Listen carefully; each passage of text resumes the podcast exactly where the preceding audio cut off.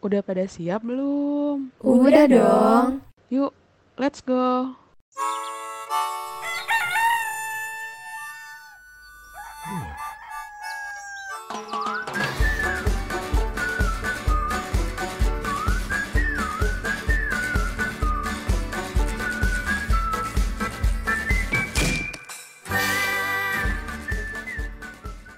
Halo Femkos. Sekarang kamu lagi dengerin iPod. IKK Podcast.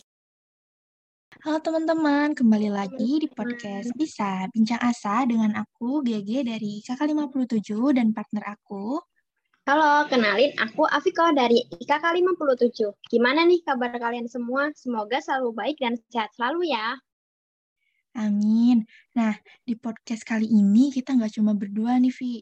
Kita kedatangan pembicara yang keren banget. Wah, kalau pembicaranya keren, pasti pembahasannya juga keren. Kira-kira siapa ya pembicaranya? Pembicaranya ada Kak Lia dari Duta Baca Jawa Barat. Halo Kak Lia, Halo, gimana nih Kak kabarnya? aku alhamdulillah baik. Kalian sendiri gimana kabarnya? Alhamdulillah baik juga nih. Nah, aku juga kali ini alhamdulillah baik. Ya, Alhamdulillah. Nah, Kalia ini merupakan juara satu dari Duta Baca Jawa Barat 2021. Keren banget Kak Lia ini. Nah, podcast kita kali ini akan membahas mengenai cara unik untuk membentuk kebiasaan membaca pada anak. Nah, menarik banget kan ya pembahasannya nih. Tentu dong, ngomong-ngomong nih tentang literasi. Sekarang ini kita kan nggak bisa jauh dari teknologi, dan hampir semua kegiatan dilakukan secara online. Nah, seharusnya kita punya waktu lebih untuk membaca, tapi sayangnya angka literasi di Indonesia masih sangat rendah. Berdasarkan survei yang dilakukan Program for International Student Assessment atau PISA, pada 2019 Indonesia menempati peringkat ke-62 dari 70 negara. UNESCO juga menempatkan Indonesia sebagai negara terendah kedua untuk minat baca. Duh, sayang banget ya. Nah, aku juga pernah baca nih terkait penyebaran berita hoax yang di mana itu terjadi karena eh, kurangnya angka literasi dari masyarakat. Nah, apalagi nih sekarang lagi pandemi, pasti banyak nih anak-anak yang udah mulai main sosial media kayak TikTok atau Instagram. Nah, gimana nih tanggapan kalian terkait eh, permasalahan tersebut? Oke, ya pertama benar banget ya bahwa tingkat literasi di Indonesia itu kalau dibandingkan dengan dunia internasional tentu masih jauh banget dan tentu ada berbagai faktor yang melatar belakanginya. Selain karena kita dulu juga sempat dijajah, kemudian dalam proses kemerdekaannya juga banyak banget hal yang mungkin itu berpengaruh terhadap terhambatnya proses peningkatan literasi di Indonesia. Nah, apalagi di era 2000-an sekarang itu betul ya, sekarang sudah muncul teknologi digital, di mana kehadiran teknologi itu pasti mempermudah kita semua dalam mengakses segala sesuatu, mengakses segala informasi. Tapi di lain sisi, dari hadirnya teknologi itu juga memberikan ancaman atau semacam dampak buruk apabila tidak digunakan dengan baik nih oleh kita. Nah, kakak-kakak di sini juga mungkin sekarang sudah tidak asing lagi ya melihat anak-anak usia baru bayi misalnya atau dua tahun, tiga tahun sudah disuguhi dengan handphone atau laptop atau video-video bahkan tanpa pengawasan orang dewasa.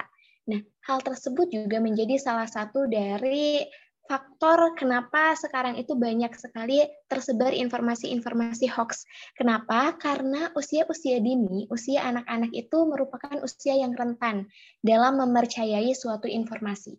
Mereka belum dibekali ilmu atau pengalaman untuk menganalisis suatu informasi. Jadi kadang-kadang ketika mereka membaca suatu informasi atau melihat video, kemudian mendengar sesuatu dari video itu, ya mereka langsung percaya saja. Nah, ini sama halnya dengan orang-orang tua yang mungkin di masa kecilnya itu tidak di dikelilingi oleh teknologi ya. Karena usia-usia 1990-an sampai generasi sekarang itu natif digital, di mana kita itu sudah menjadi penutur jati dari dunia teknologi. Kita betul-betul hidup di era teknologi. Nah, usia-usia sebelum dan usia-usia baru-baru ini adalah usia-usia yang paling rentan dalam penggunaan teknologi. Tapi selain itu juga, kalau misalnya kita berbicara nih tentang literasi, mungkin kakak-kakak tahunya itu literasi ada literasi membaca dan literasi menulis. Tapi sebenarnya literasi itu sudah dibagi ke dalam enam jenis literasi dasar nih dari Kemendikbud sendiri. Yang pertama itu ada literasi membaca dan menulis ya. Literasi membaca dan menulis itu bukan hanya kita bisa mengeja A, B, C sampai Z, kemudian bisa merangkai kata, bisa merangkai kalimat, tapi literasi membaca dan menulis itu adalah bagaimana kita bisa memahami suatu informasi yang dibaca, kemudian bisa menuangkan gagasan dan pemikiran kita ke dalam tulisan yang tepat dan juga sesuai dengan konteks. Itu literasi membaca dan menulis.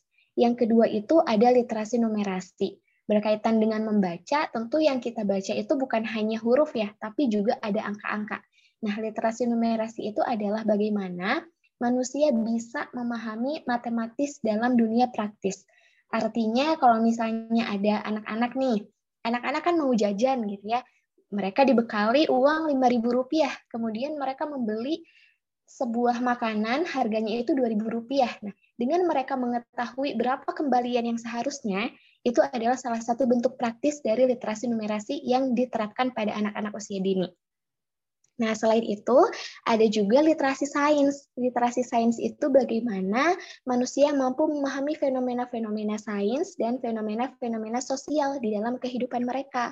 Misalnya, ada anak kecil usia lima tahun, terus dia itu lagi hujan-hujanan. Nah, pas hujan itu ada petir, dan juga ada guntur, tapi tidak bersamaan bunyinya ya. Bunyi dan cahayanya itu tidak bersamaan. Kemudian mereka penasaran. Nah, rasa penasaran mereka terhadap hal itu dapat memunculkan literasi sains di dalam diri mereka.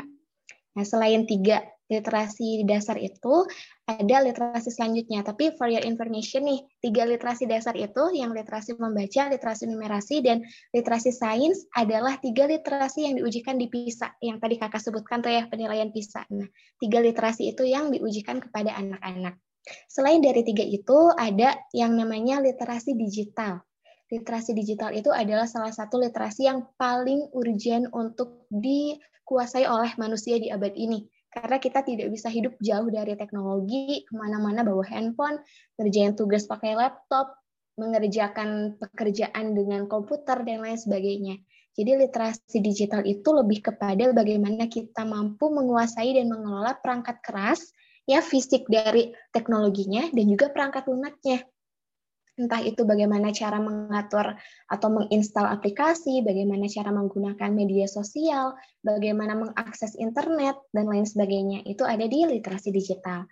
Selanjutnya ada literasi finansial nih yang sekarang ramai banget dibicarakan ya tentang investasi bodong misalnya atau tentang mm, investasi digital, emas digital, dan lain sebagainya itu dibahas dalam literasi finansial. Bagaimana kita bisa mengelola keuangan, pemasukan dan pengeluarannya itu dengan bijaksana, termasuk bagaimana kita berderma atau bersedekah dan juga menyisihkan uang kita untuk jangka panjang di masa depan. Dan yang terakhir ada literasi keluargaan dan kebudayaan. Ini juga ada kaitannya dengan membaca dan menulis, tapi lebih kepada pemahaman terhadap kebijakan undang-undang dan juga budaya yang ada di Indonesia sendiri. Gitu. Jadi kalau misalnya tentang literasi digital tadi, sebetulnya ada ada literasi digital yang akan menaungi permasalahan-permasalahan teknologi yang dihadapi kita saat ini. Jadi mungkin tanggapan dari aku kenapa kita belum bisa menghasilkan media-media digital yang bagus, kemudian banyak masih banyak berita-berita hoax, masih banyak anak-anak yang mungkin kecanduan bermain media sosial itu karena kurangnya penerapan literasi digital. Artinya literasi digital itu belum terlalu di, diindahkan ya oleh masyarakat Indonesia karena tahunya hanya membaca dan menulis saja padahal literasi digital juga ada loh untuk anak-anak sampai usia tua. Begitu. Oh, jadi seperti itu ya Kak. Banyak banget faktor-faktor yang mempengaruhinya. Dan ternyata literasi itu jenisnya banyak ya, nggak cuma membaca dan menulis aja. Oh ya, tadi ya. kan ada dibahas ya Kak, kalau saat ini itu banyak anak yang sudah disuguhi media digital. Seberapa penting sih Kak literasi untuk anak? Oke. Anak-anak itu kalau misalnya dilihat ya adalah usia golden age di mana usia-usia anak, usia-usia batita, balita dan anak-anak yang sekolah dasar itu akan memengaruhi bagaimana mereka bertindak dan berpikir 10 sampai 20 tahun ke depan. Jadi masa-masa mereka yang masa-masa manusia paling baik untuk menerapkan suatu pengetahuan, menerapkan suatu moral, nilai, dan tata norma itu adalah pada usia anak-anak. Dan literasi di sini fungsinya sangat banyak. Nah, tadi ada enam jenis literasi dasar nih ya. Kalau misalnya bisa diterapkan kepada anak-anak, tentu mereka akan mulai memahami kehidupan dengan baik pada saat anak-anak. Nah, pada khususnya literasi membaca ya untuk anak-anak. Anak berdasarkan penelitian, kebetulan saya juga kuliahnya di jurusan Pendidikan Bahasa dan Sastra Indonesia ya. Jadi ada sebuah penelitian yang mengungkapkan ternyata anak-anak yang dibacakan dongeng, dibacakan dan membaca dongeng sebelum tidur itu tingkat kecerdasannya 1 sampai 2 tahun lebih cepat daripada anak-anak yang tidak dibacakan dongeng sebelum tidurnya. Kenapa? Karena ternyata literasi pada anak-anak itu akan memunculkan daya berpikir kritis dan daya imajinasi mereka sehingga mereka bisa mulai mengelola perasaan, pikiran, dan tindakan mereka berdasarkan apa yang mereka baca atau apa yang mereka dengarkan. Nah, literasi anak itu adalah literasi yang merujuk kepada bagaimana anak-anak mampu memahami informasi secara lisan dulu. Jadi bagaimana mereka bisa menyimak orang, bagaimana mereka bisa menjadi pendengar yang baik. Nah, dari asupan-asupan pendengaran itu akan memunculkan bagaimana cara mereka berbicara. Nah, mungkin kita menemukan banyak sekali misalnya anak-anak yang sekarang bahasanya itu sudah kasar ya, bahasanya itu sudah ya membicarakan hal-hal yang memang tidak seharusnya. Nah, itu salah satunya karena kurangnya penerapan literasi bagi mereka. Literasi selain literasi membaca dan menulis pada anak juga yang paling penting itu adalah literasi digital. Kenapa? Karena sebetulnya ya, pada era sekarang ketika anak-anak lahir, ketika mereka bertumbuh menjadi batita, balita, dan memasuki usia anak-anak sampai remaja, yang pertama kali di lihat oleh mereka itu bukan huruf, bukan buku, tapi handphone. Betul. Kalau misalnya kita lihat anak-anak usia tiga hari sudah difoto, dipotret, diupload ke sosial media, diajak interaksi melalui instastory misalnya dan lain sebagainya. Jadi secara tidak langsung input pertama mereka dalam kehidupan itu adalah handphone, adalah media digital. Nah, dengan literasi digital, diharapkan anak-anak itu tidak menghindari handphone, tidak menghindari, menghindari teknologi, tapi bisa mengelola teknologi itu dengan baik. Artinya di sini orang tua itu harus mendampingi anak-anak dalam berliterasi digital. Mau tidak mau orang tua yang pertama itu harus membatasi konsumsi digitalnya seperti apa. Jangan terlalu banyak main handphone juga di depan anak-anak karena itu akan menjadi contoh ya. Kalau misalnya anak-anak sedang bermain handphone, usahakan ajak mereka mengakses uh, konten-konten yang bermanfaat, entah itu misalnya video kartun, video-video yang menyenangkan, atau misalnya buku-buku e-book ya, buku-buku elektronik yang interaktif, sekarang sudah ada yang berbasis uh, augmented reality. Jadi mereka bisa membaca, tapi ada gambar yang bergeraknya, misalnya ada video animasi, kemudian dijelaskan konten-konten itu seperti apa. Nah, itu literasi digital, itu yang sangat penting dilakukan oleh manusia di zaman sekarang kepada anak-anaknya, adik-adiknya, keponakan-keponakannya untuk mempersiapkan generasi di masa mendatang. Kalau menurut aku seperti itu. Eh, benar banget ya Kak.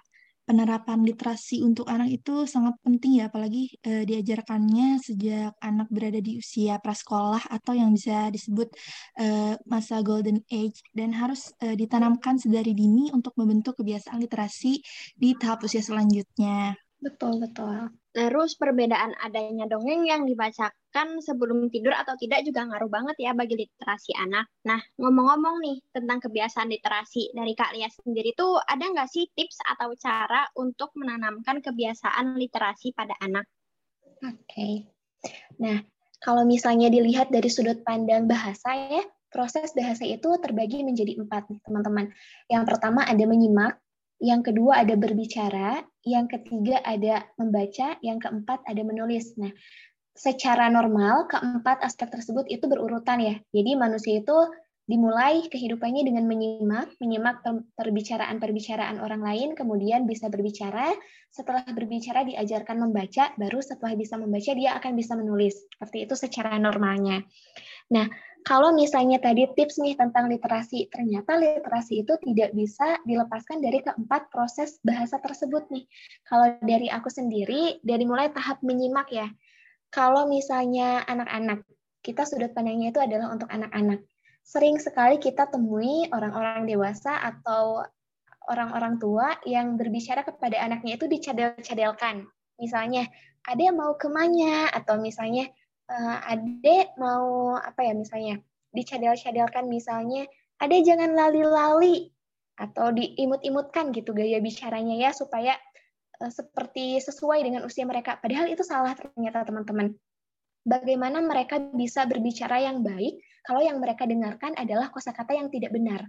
Jadi meskipun mereka masih bayi, masih anak-anak, usahakanlah berbicara dengan fonologi atau pengucapan yang benar. Kalau misalnya mau bilang cemberut, ya sudah bilang cemberut, jangan jadi cembeyut atau cembelut gitu. Kalau misalnya mau bertanya adek mau ke mana, ya bilang saja adek mau ke mana, jangan adek mau ke mana atau diimut-imutkan seperti itu tidak usah, karena itu justru akan menghambat proses penerimaan kosakata di otak mereka. Jadi ya kalau misalnya kita ketemu sama anak kecil, gaya bicaranya ya sudah seperti kita berbicara secara normal saja, tapi nadanya itu dilembutkan, nadanya itu seperti kita penuh dengan kasih sayang, tapi untuk pengucapannya diusahakan senormal mungkin. Karena mereka kalau misalnya semakin sering mereka mendengar kosakata yang normal pengucapannya, semakin cepat mereka akan berbicara dengan baik juga. Itu itu untuk yang pertama ya tentang menyimak, kemudian untuk berbicara. Nah, literasi di sini berperan agar mereka sebelum berbicara itu bisa berpikir dulu. Jadi istilah berpikir sebelum berbicara itu seharusnya diterapkan mulai dari usia anak-anak. Ya. Kenapa? Karena literasi kepada anak-anak itu adalah untuk menyiapkan anak mampu belajar dan beradaptasi dengan lingkungan mereka bisa beradaptasi dengan sosialnya, salah satunya dengan berkomunikasi melalui bahasa. Nah, cara-cara mengajarkan anak untuk berbicara yang baik dan benar, yang baik yang ben dan benar itu tidak harus selalu mereka menggunakan kosakata yang baku ya, tapi mereka bisa berbicara sesuai dengan konteks dan kepada siapa mereka berbicara itu. Termasuk bagaimana mereka bertindak dan berperilaku ketika berbicara juga itu sangat penting dan dinilai dalam literasi. Nah, tipsnya itu adalah yang pertama, kita tadi ya mencontohkan berbicara yang baik dan benar kepada anak.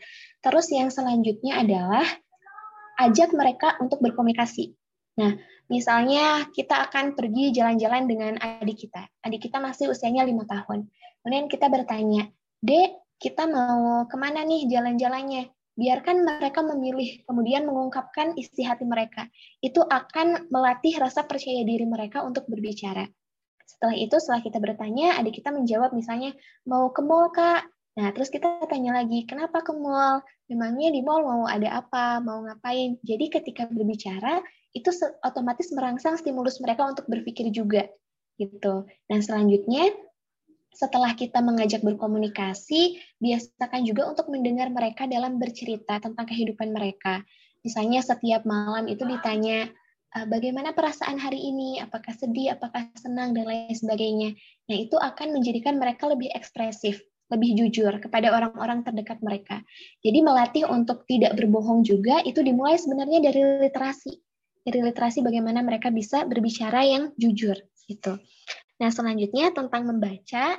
Nah, ini nih, jangan sampai saya dapat uh, pesan ini dari dosen saya, jangan sampai hal pertama atau buku pertama yang dipegang oleh anak itu adalah buku pelajaran. Kenapa? Karena ketika buku pertama yang mereka baca atau yang mereka pegang adalah buku pelajaran, sampai tua nanti mereka akan menganggap buku itu susah, rumit, dan membosankan. Jadi, untuk anak-anak usia dini, itu perkenalkan mereka dengan buku-buku yang interaktif, buku-buku yang berwarna, buku-buku yang lebih banyak gambarnya. Jangan dulu ajarkan mereka untuk membaca tidak apa-apa, tapi perkenalkan dulu mereka dengan bukunya. Perkenalkan mereka bahwa buku itu bentuknya seperti ini. Kalau misalnya membuka buku itu tidak boleh disobek, buku itu tidak boleh dicoret-coret kalau misalnya sudah ada isinya dan lain sebagainya.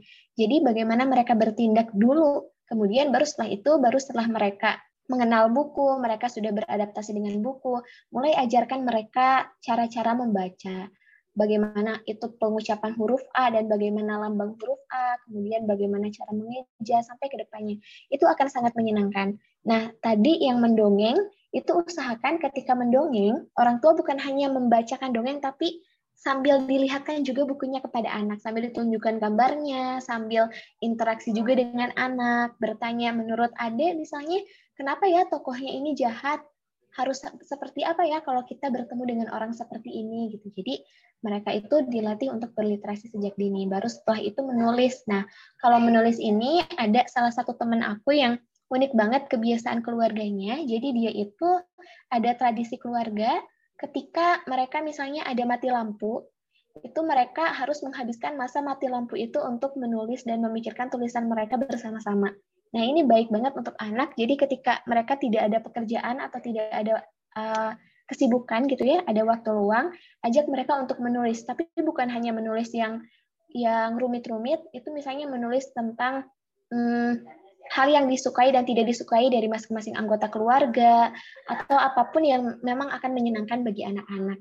Mungkin tipsnya tuh seperti itu untuk anak-anak usia dini. Selain tadi yang literasi digital ya, gitu. Banyak juga ya, Kak, tips dan cara yang tentunya ini penting banget nih bagi literasi anak. Tips tersebut juga nggak bisa dilepaskan dari empat tahap tadi ya, seperti jangan membuat pengucapan yang cadel dan mencontohkan bicara yang baik dan benar, ajak untuk berkomunikasi dan mendengarkan bercerita. Kemudian tadi yang penting banget tuh jadiin buku pertama yang dibaca itu bukan buku pelajaran dan buku interaktif sehingga anak tuh tertarik. Betul banget, Kak. Nah, seperti tadi yang udah dibahas oleh kalian juga nih terkait penggunaan handphone atau media digital yang sudah dikenalkan kepada anak sedari dini dan menurut American Academy of Pediatrics, anak di bawah usia 2 tahun itu eh, tidak disarankan ya untuk diberikan tontonan media digital. Nah, gimana sih Kak cara meningkatkan literasi pada anak eh, melalui peran orang tua? Nah, cukup menarik nih. Peran literasi itu sifatnya kontekstual dan terintegrasi. Artinya tidak bisa dipisahkan antara satu jenis literasi dengan literasi lainnya karena akan saling berkesinambungan satu sama lain. Tadi betul kalau misalnya dilihat dari segi klinisnya, memang anak-anak itu tidak diperkenankan untuk di apa ya tidak diperkenankan untuk diperkenalkan terlebih dahulu dengan gadget, dengan media elektronik dan lain sebagainya karena tentu radiasi dari media-media itu juga akan memengaruhi kesehatan mereka. Banyak sekali kalau ya temui itu di zaman sekarang anak-anak kecil sudah pakai mata ya, sudah misalnya sudah tubuhnya itu sudah tidak kuat berlari dan bermain itu karena mereka terlalu sering menggunakan media digital seperti handphone atau laptop. Nah, tipsnya ini untuk orang-orang tua atau orang-orang dewasa yang di sekitarnya ada anak-anak, coba bisa kita alihkan perhatian mereka terhadap media digital ini dengan kegiatan-kegiatan yang menyenangkan di luar sana. Jujur saat ini saya sudah sangat jarang melihat anak-anak bermain sepak bola di lapangan, anak-anak bermain bersama teman-temannya di jalan di jalanan ya atau bermain sepedahan dan lain sebagainya. Nah, kalau misalnya seperti itu, kita bisa ajak mereka untuk melakukan permainan-permainan interaktif nih. Apalagi usianya masih batita, seperti itu ya masih sangat mungkin kita ajak interaksi. Jadi jangan sampai media digital itu jadi sarana untuk mengalihkan perhatian anak-anak dari dunia nyata. Justru sebaliknya, kita harus menjadikan dunia nyata itu untuk mengalihkan perhatian anak-anak dari media digital. Gitu.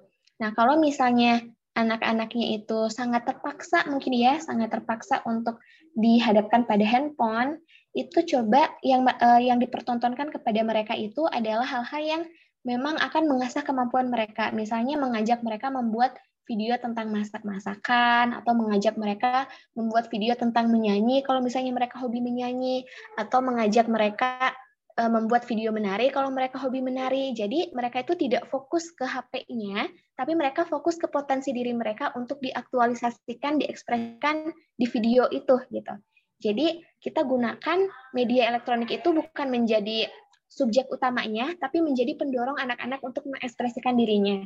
Misalnya anak-anak ini sukanya itu main alat musik. Ya meskipun misalnya masih jelek ya masih cuma pukul-pukul stick atau misalnya masih main-main ukulele dan lain sebagainya ya kita videokan saja. Kita pura-pura mewawancarai pura-pura konser kemudian divideokan gitu. Jadi mereka itu semangat bukan semangat untuk melihat HP tapi semangat untuk mengekspresikan potensi mereka.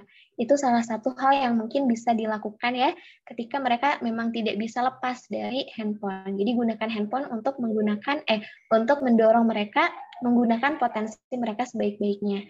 Nah, selain itu juga uh, untuk anak-anak yang memang uh, apa ya, mereka jauh dari jangkauan orang tua seperti itu, diusahakan mereka dikelilingi oleh mainan-mainan interaktif, mainan-mainan interaktif atau buku-buku interaktif. Jadi yang ada di sekeliling mereka itu yang memang mereka temui sehari-hari itu bukan media elektronik saja, tapi juga media-media lain yang sifatnya itu bisa me, apa ya mempertajam upaya mereka untuk berpikir gitu. Kemudian harus harus banget ini mengajak mereka untuk bersosialisasi misalnya ke tetangga, ke teman-teman dan lain sebagainya. Jadi mungkin itu ya kalau misalnya kita tidak bisa tidak bisa menjauhkan anak-anak dari teknologi ya upayakan teknologi itu untuk mengasah potensi mereka karena itu akan jadi jauh lebih optimal. Mereka akan bisa menggunakan teknologi dengan bijaksana. Gitu.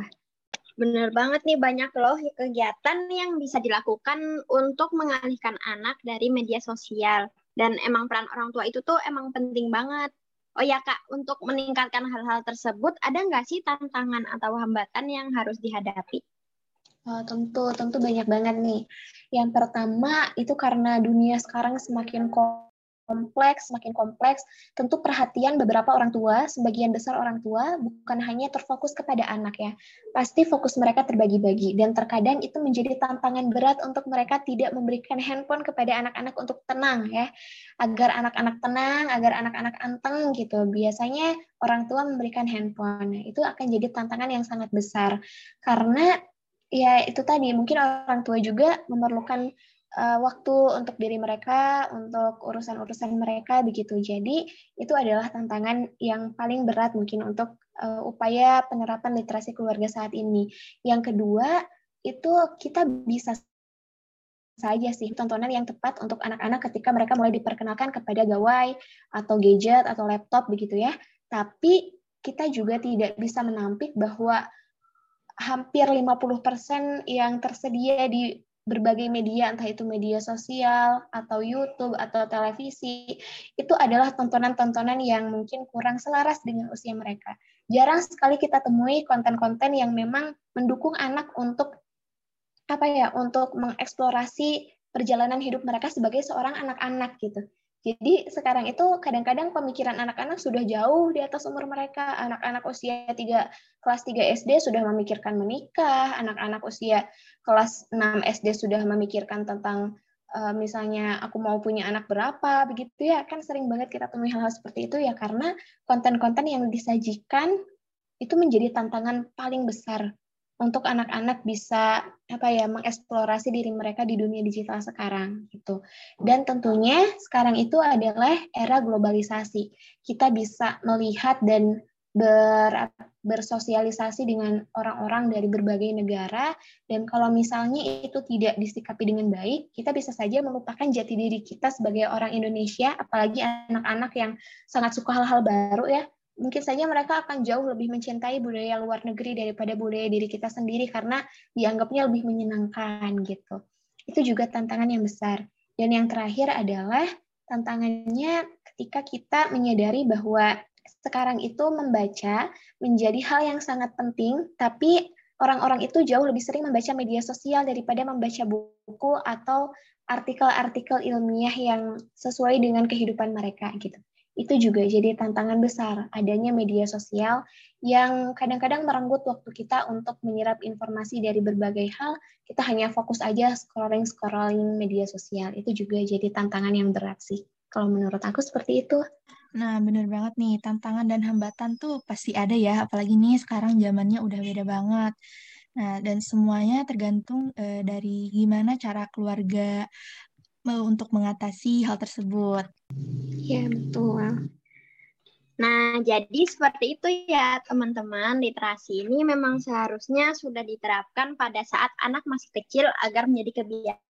Oh iya, nggak kerasa nih, waktu kita sepertinya udah mau selesai.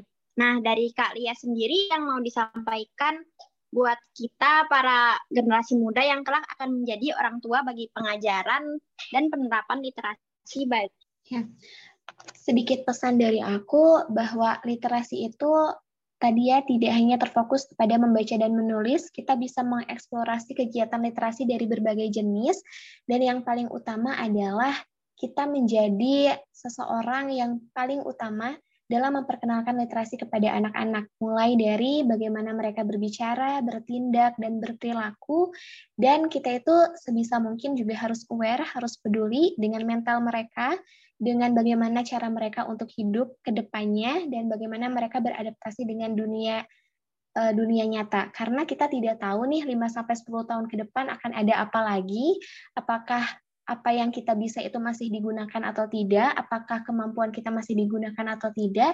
Jadi mulai dari sekarang kita eksplorasi sebanyak-banyaknya kemampuan kita supaya ke depannya kemampuan kita itu masih bisa digunakan dan masih bisa kita wariskan untuk generasi-generasi selanjutnya. Seperti itu. Nah, udah keren banget nih pesannya. Eh, bisa teman-teman catat dan simpen di notes dulu ya untuk nanti eh, dan bisa diterapkan ketika udah punya anak atau udah menikah ya. Bener banget nih pesannya tuh bisa jadi bekal buat calon orang tua milenial. Nah, eh, karena waktu kita cukup terbatas, aku mau ucapin terima kasih banyak untuk kalian yang sudah menyempatkan waktunya buat jadi pembicara di podcast kita kali ini. Ya, terima kasih, terima kasih banyak buat waktunya. Terima kasih juga. Sehat-sehat ya. Amin. Nah, untuk itu, Aku Gege dan rekan aku Avi pamit undur diri dan sampai jumpa di podcast selanjutnya. Dadah. Dadah.